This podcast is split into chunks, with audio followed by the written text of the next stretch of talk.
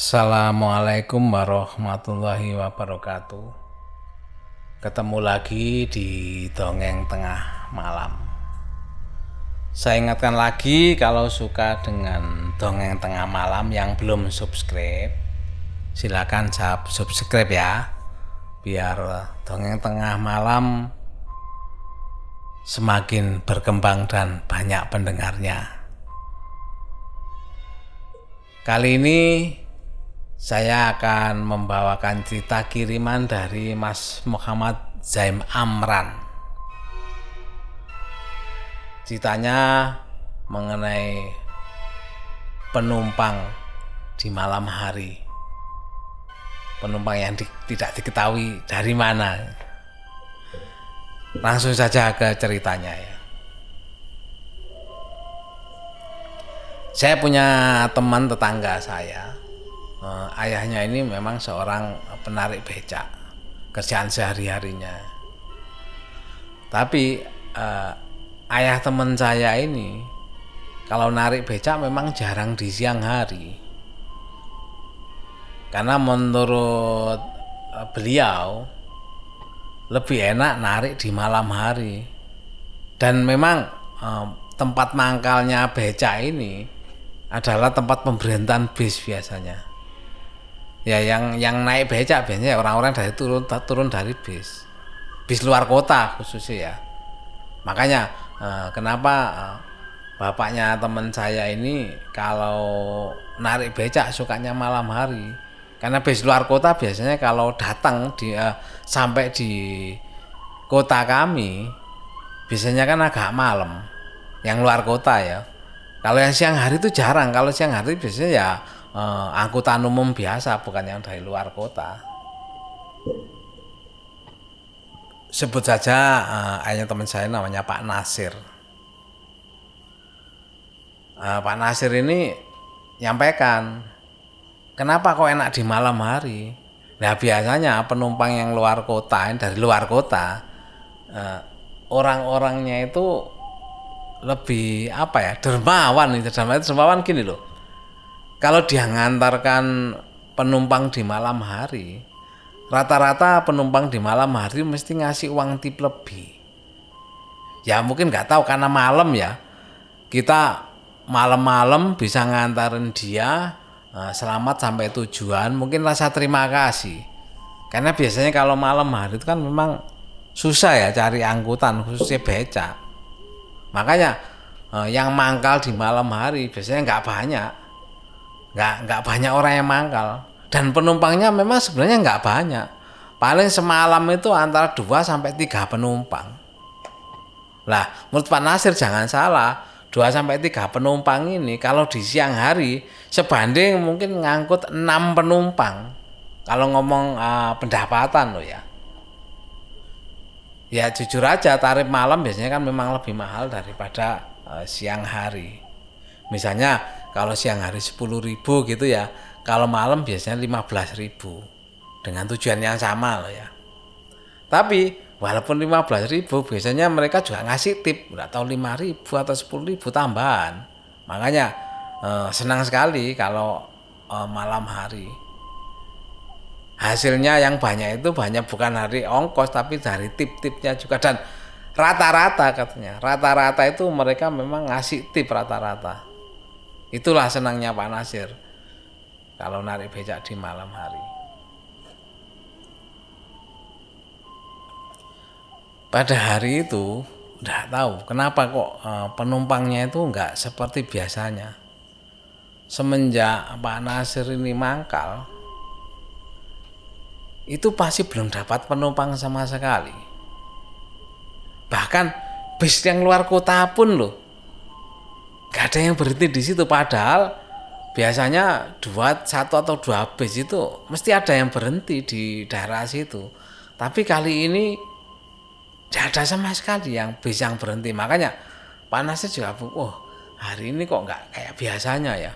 Hari ini merasa sepi sekali dan inget sekali eh, Pak Nasir bilang bahwa hari itu adalah memang hari eh, hari Kemis atau paginya itu hari Jumat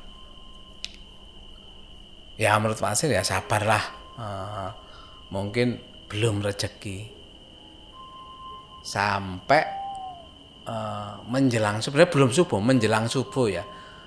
Antara mungkin sekitar jam tigaan. Masih belum juga ada apa namanya bis yang berhenti. Nah, biasa kan? Biasanya kalau bapak-bapak beca itu kalau nunggu itu kan mesti duduk-duduk di kursi depan ya sambil layah-layah apa istilahnya istilah layah-layah sambil sandaran di kursi e, depan itu sambil santai-santai gitu sambil nunggu. Nggak tahu datang dari mana. Tiba-tiba Pak Nasir ada yang nyapa. E, Pak bisa antar saya perempuan. Ya Pak Nasir kaget kalau menunjukkan jam itu kita jam 3 kan memang sepi jam segitu ya. Dan ingat betul Pak Nasir nunggu bahkan Pak Nasir tidak tahu merasa sih merasa tidak ketiduran. Tapi kok tiba-tiba ada perempuan sama anaknya itu berada di belakangnya Pak Nasir.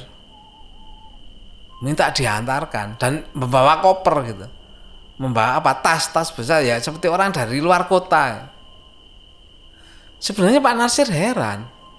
Perasaan dari tadi nunggu bis gak ada yang bis berhenti. Kok tiba-tiba ada orang yang ingin diantarkan? Ya karena malam itu sepi, ya udah Pak Nasir juga merasa seneng juga.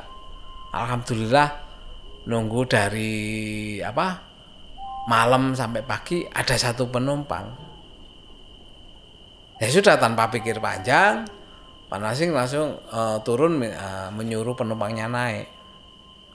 Lah pada waktu mau berangkat Pak Nasing masih mesti bertanya ke mana mbak? Dan perempuan itu cuma jawab udah jalan aja pak nanti saya tunjukkan jalannya. Ya karena nggak ada curiga sama sekali. Tapi sebenarnya eh, dalam hati Pak Nasir masih masih terpikirkan itu Pak Nasir merasa dia tadi duduk di becaknya itu menunggu bis datang dengan harapan ada penumpang yang turun dan naik becak. Dan merasa Pak Nasir dari tadi nunggu bis nggak ada bis yang datang. Akhirnya karena untuk menghibur anu ya rasa penasarannya Pak Nasir ya Pak Nasir coba ah, mungkin aku mau tertidur kali ya tertidur sebentar mungkin makanya nggak tahu bis datang tiba-tiba orang itu oh, minta diantarkan ya sudah. Akhirnya jalanlah Pak Nasir. Begitu jalan Pak Nasir ini eh, di perjalanan ya Pak Nasir merasa kayuan becaknya kok berat. Lah Pak Nasir ini kan biasa ngayu becak. Kan pasti bisa merasakan. Kalau hanya seorang perempuan dan anaknya tarikannya harusnya gak seperti itu. Ya tapi karena mungkin masih positif thinking Pak Nasir ini. Nah mungkin lagi capean tadi nunggu atau ya apa sehingga perasaan berat. Selain berat yang dirasakan Pak Nasir, Pak Nasir juga merasakan bau wangi. Dan bau wanginya ini eh, nggak eh, seperti apa ya? Ya wangi lah menurut Pak Nasir wangi wangi. Eh Pak Nasir sering bawa penumpang orang pakai parfum tapi wanginya itu nggak seperti ini dalam strong gitu loh wanginya itu. Kalau wangi kan paling uh, sekilas bau baunya wangi ya sudah wajar. Lah ini nggak wajar wanginya seperti wangi sekali. Lah selain wangi tidak hanya wangi yang dirasakan. Jadi sekadang itu habis wangi gitu ya ada seperti bau nggak wangi lagi Bahkan baunya itu jauh lebih jelek daripada wangi. Jadi seperti bau bau nggak enak itu kayak apa ya? Bau bau anyir, bau anyir. Nah Pak Nasir ini eh, kadang terasa bau wangi sekali. Kadang tiba-tiba kayak bau anyir itu. Dan selain bau-bau itu kan tadi di sama Pak Nasir katanya kan bau berat ya uh, narik becaknya itu. Tapi sekadar juga merasa tiba-tiba enteng narikannya itu. Lah Pak Nasir malam ini kok ada ada kejanggalan yang dirasakan Pak Nasir ini. Kejanggalan ya nama ya ya janggal tentu jasa janggal yang dirasakan dari tiba-tiba berat tiba-tiba enteng. Jadi sekali waktu itu tiba-tiba enteng kan ya enak ngayu seperti biasa. Tapi kadang-kadang tiba berat gitu loh. Sekali-sekali Pak saya nanya arah mana Mbak? Terus saja sana. Dan kebetulan memang uh, arahnya itu yang ditunjuk perempuan memang sekalian arah pulangnya Pak Nasir. Ya Pak Nasir dalam hati yes, kebetulan dapat uh, penumpang arah searah dengan rumahnya. Jadi kan sekalian pulang. Akhirnya diayu terus dan wangi itu masih tetap bau banyak masih tetap sekarang bau wangi, sekarang bau wangi. Dan anaknya yang dibawa perempuan memang diem saja. Bahkan diemnya itu nggak wajar kalau menurut Pak Nasir. Kalau diinget sekarang loh ya katanya. Waktu menceritakan ini nggak wajar. Jadi anak kecil itu duduk diem tanpa bergerak sedikit pun. Kan bisa dibayangkan ya. Sebenarnya nggak perhatikan tapi e, setelah menceritakan baru merasa iya ya anaknya itu gimana? Katanya anaknya itu diem diem kayak patung berdiri. Begitu juga perempuan itu. Ya diem kayak patung gitu. Kalau ditanya ya jawab tapi jawabannya itu kalau mungkin Pak Narsis mencat, uh, sadar pada waktu menceritakan kayak, menceritakan kayak gini nih mungkin dia akan ketakutan jadi suaranya itu pelan seperti uh, apa ya perempuan kalau ngomong manja bukan manja ya jadi ngomongnya itu pelan banget tuh tapi jelas Terus ke mana mbak jalannya? Lurus saja pak. Jadi lurus saja itu ngomongnya itu pelan tapi terdengar bener di di telinga Pak Nasir terdengar bener. Dan kalau diinget-inget sebenarnya suaranya juga aneh. Jadi suara kalau orang orang Jawa itu kan mesti ada intonasinya. Oh ya Pak lurus saja. Oh di sana Pak nanti kan gitu ya. Itu katanya lempeng aja suaranya. Ya lurus saja, lurus saja. Jadi nggak ada bahasa basi, lurus saja. Oh di depan nanti. Ya sudah Pak Nasir hanya anu aja. Jadi dalam perjalanan itu Pak Nasir tuh kalau nggak uh, Pak Nasir yang bertanya, dia akan diem dan seperti patung di depan. Begitu juga padahal kalau anak kecil, kalau kita bayangkan namanya anak-anak ya, usia lebih kurang 9 tahun ya. Kalau naik becak pasti uh, ada aja tingkahnya apalagi dari luar kota namanya anak kecapean ya biasanya ya ya mungkin berkaitan sama ibunya atau manja bilang capek itu tidak sama sekali jadi anaknya hanya duduk ngadap depan diem. Begitu ibunya duduk ngadap depan diem. Ya sudah Pak Nasir ngayu saja. Sampai eh, ngelewati sebuah jembatan. Lah begitu ngelewat jembatan tiba-tiba uh, maaf tiba-tiba perempuan ini bilang berhenti pak. Ya berhenti sama nadanya uh, tanpa ada konotasi apa ya lempeng aja ngomongnya. Berhenti pak. Ya otomatis mendengar itu Pak Nasir langsung berhenti. Berhenti Pak Nasir heran. Loh mana mbak tempatnya? Kok berhenti di sini ya dijawab ya di sini saja. Ya dijawab seperti dijawab. Lah Pak Nasir sempat masih heran gitu loh. Loh, kok berhentinya di atas jembatan yang bikin Pak Nasir mulai berpikir.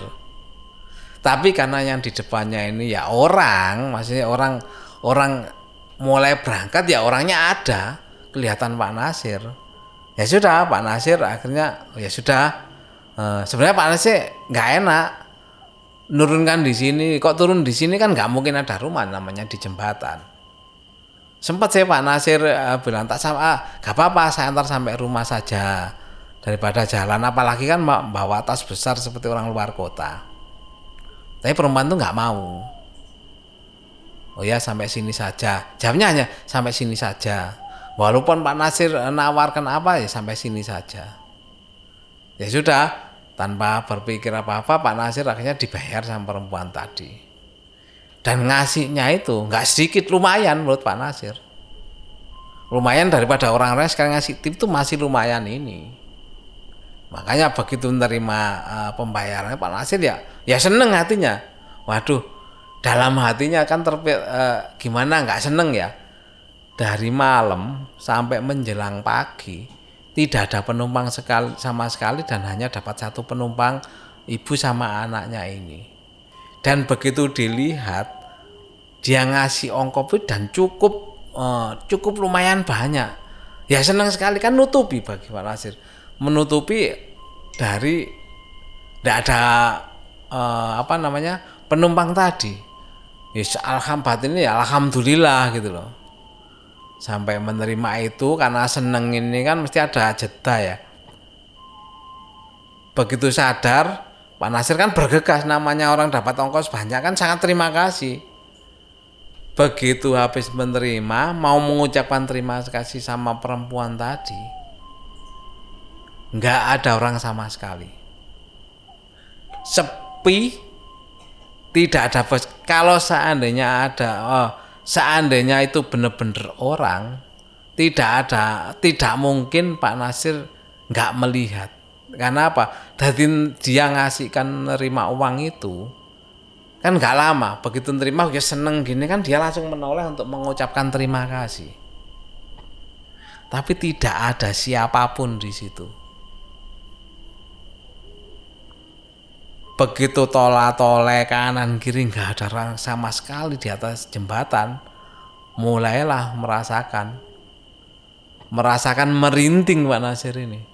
Bulu kuduk mulai berdiri keringat dingin mulai keluar. Sambil takut-takut karena nggak ada orang ya cepet-cepet dia naik becanya langsung tancap eh, becanya untuk pulang nggak terasa. Kecepatan berapa kalau ngomong kecepatan itu ya? Namanya orang ketakutan. Kan sekuat-kuatnya di anu sama Pak Nasir. Nggak hanya cuman itu. Di tengah larinya maksudnya menarikan becaknya tadi. Pak Nasir sempat juga mendengar bahwa di belakangnya itu seperti ada suara perempuan tertawa. Lah mendengar itu kan semakin semakin ke, apa ketakutannya ketakutannya Pak Nasir kan semakin jadi-jadi. Ya semakin waduh sudah. Kalau ngomong genjot itu ya sudah sudah maksimal. Top speed lah. Kecepatan yang di ya apa dikeluarkan oleh Pak Nasir sampai di rumah. Ya bayangkan ya habis nggak ada orang penjot tiba-tiba masih terdengar suara orang. Pada tadi dilihat tolong-tolong kan udah nggak ada sama sekali. Perempuan itu juga nggak ada. Masih terdengar suara tertawa. Akhirnya pulang sampai di rumah. Ya biasanya kalau pulang ke rumah itu kan mesti Pak Nasir biasanya pelan-pelan ya. Jangan sampai membangunkan orang yang di rumah. Karena belum subuh. Biasanya pelan-pelan pelan-pelan baru istirahat begitu biasa ada suara kletek-kletek apa gitu istrinya baru bangun. Lah ini enggak ya karena rasa takut tadi yang terbawa. Pulang rumah becak taruh langsung oh, ya ya namanya orang takut ya. Yes keropiak keropiak ya ya siapa kan sampai uh, mengagetkan yang seisi rumah istrinya sampai terbangun dan kaget gitu loh pak pak, pak ada apa ya Pak Nasir nggak bisa ngomong apa minum minum hanya bisa bilang minum minum minta minum Pak Nasir ini karena nggak bisa ngomong kan rasa takutnya masih ada dia wah akhirnya dia kegokok tergopok-gopok ngasih minum sama Pak Nasir akhirnya minum dan duduklah Pak Nasir itu menenangkan diri lah, setelah mulai tenang, baru istrinya. Wonten apa, Pak? Eh, ono apa? Kok sampai kayak ngono? Ada apa? Ada apa, Pak? Kok sampai kayak gitu? Seperti orang ketakutan melihat hantu saja. Akhirnya Pak Sasim menceritakan bahwa dia habis nganter ya seperti yang bilang nganter hantu. Ya, siapa lagi kalau bukan hantu? Habis turun kok orangnya sudah hilang ya mendengar itu istrinya ya ya kaget ya memang e, menurut istrinya maupun Pak Nasir ya pernah dengar bahwa memang jembatan itu memang sedikit angker dan beberapa orang yang pernah ada yang memang uh, ditampai sesosok-sosok di jembatan itu tapi bukan yang angker beneran ya tiap orang jalan diganggu enggak. Tapi memang ada beberapa pernah kejadian. Dan yang kejadian uh, salah satunya yang yang menimpa Pak Nasir ini. Ya udah akhirnya Pak Nasir eh, sudah istrinya juga menenangkan Pak Nasir. Pak Nasir juga enggak enggak mau sampai ini uh, dicita-citakan juga nggak mau. Akhirnya uh, Pak Nasir melihat uh, melihat uangnya tadi yang diterima. Masih ada ternyata. Masih ada uangnya. Dan uangnya cukup lumayan banyak. Kalau mungkin uh, ini kejadian kan tahun 90-an ya. Tahun 90-an kan masih belum krisis moneter. Naik becak ya mungkin masih 1500 2000 lah ya. Itu pun juga lumayan lah tapi ini lumayan besar yang dikasih ini. Uang uang ribuan itu ya kalau dilihat ya lumayan banyak, tapi nggak disebutnya berapa banyak. Sampai Pak Nasir itu nggak berani pakai uang itu. Nah, sama istrinya suruh simpen aja uang itu. Nggak berani pakai karena masih trauma gitu. Yang ngasih uang itu siapa?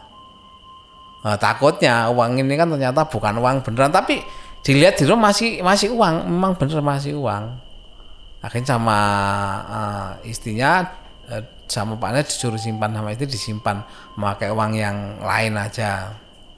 Sampai uh, berbulan-bulan akhirnya ya nggak tahu uh, masih dipakai. Kemungkinan sih sudah dipakai karena dianggap uh, ternyata uang beneran dipakai. Ya akhirnya ya sudah uh, semenjak kejadian itu Pak Nasir lebih hati-hati lagi berarti ya mungkin karena kurang bismillah atau apa ya. Nggak tahu. Atau memang rezeki dari Tuhan nggak tahu ya. Kita mungkin Pak Nasir tadi e, nyari penuang nggak dapat dapat mungkin ya anggap aja itu rezeki e, dari Tuhan. Walaupun dengan rasa takut. Ya itu tadi e, kiriman cerita dari Mas Samran mudah-mudahan Mas Samran Eh, bisa senang juga uh, saya bacakan ceritanya ini dan juga bisa diterima bagi pendengar dongeng tengah malam. Dan kalau ada kirim cerita seperti Mas Amran, uh, silakan kirim di email aja ya di dongeng tengah malam nyambung ya at gmail.com. Jadi dongeng tengah malam at gmail.com. Demikian terima kasih telah mendengarkan cerita saya dan untuk masukan-masukan dari komentarnya juga terima kasih. Ya, terima kasih sekali.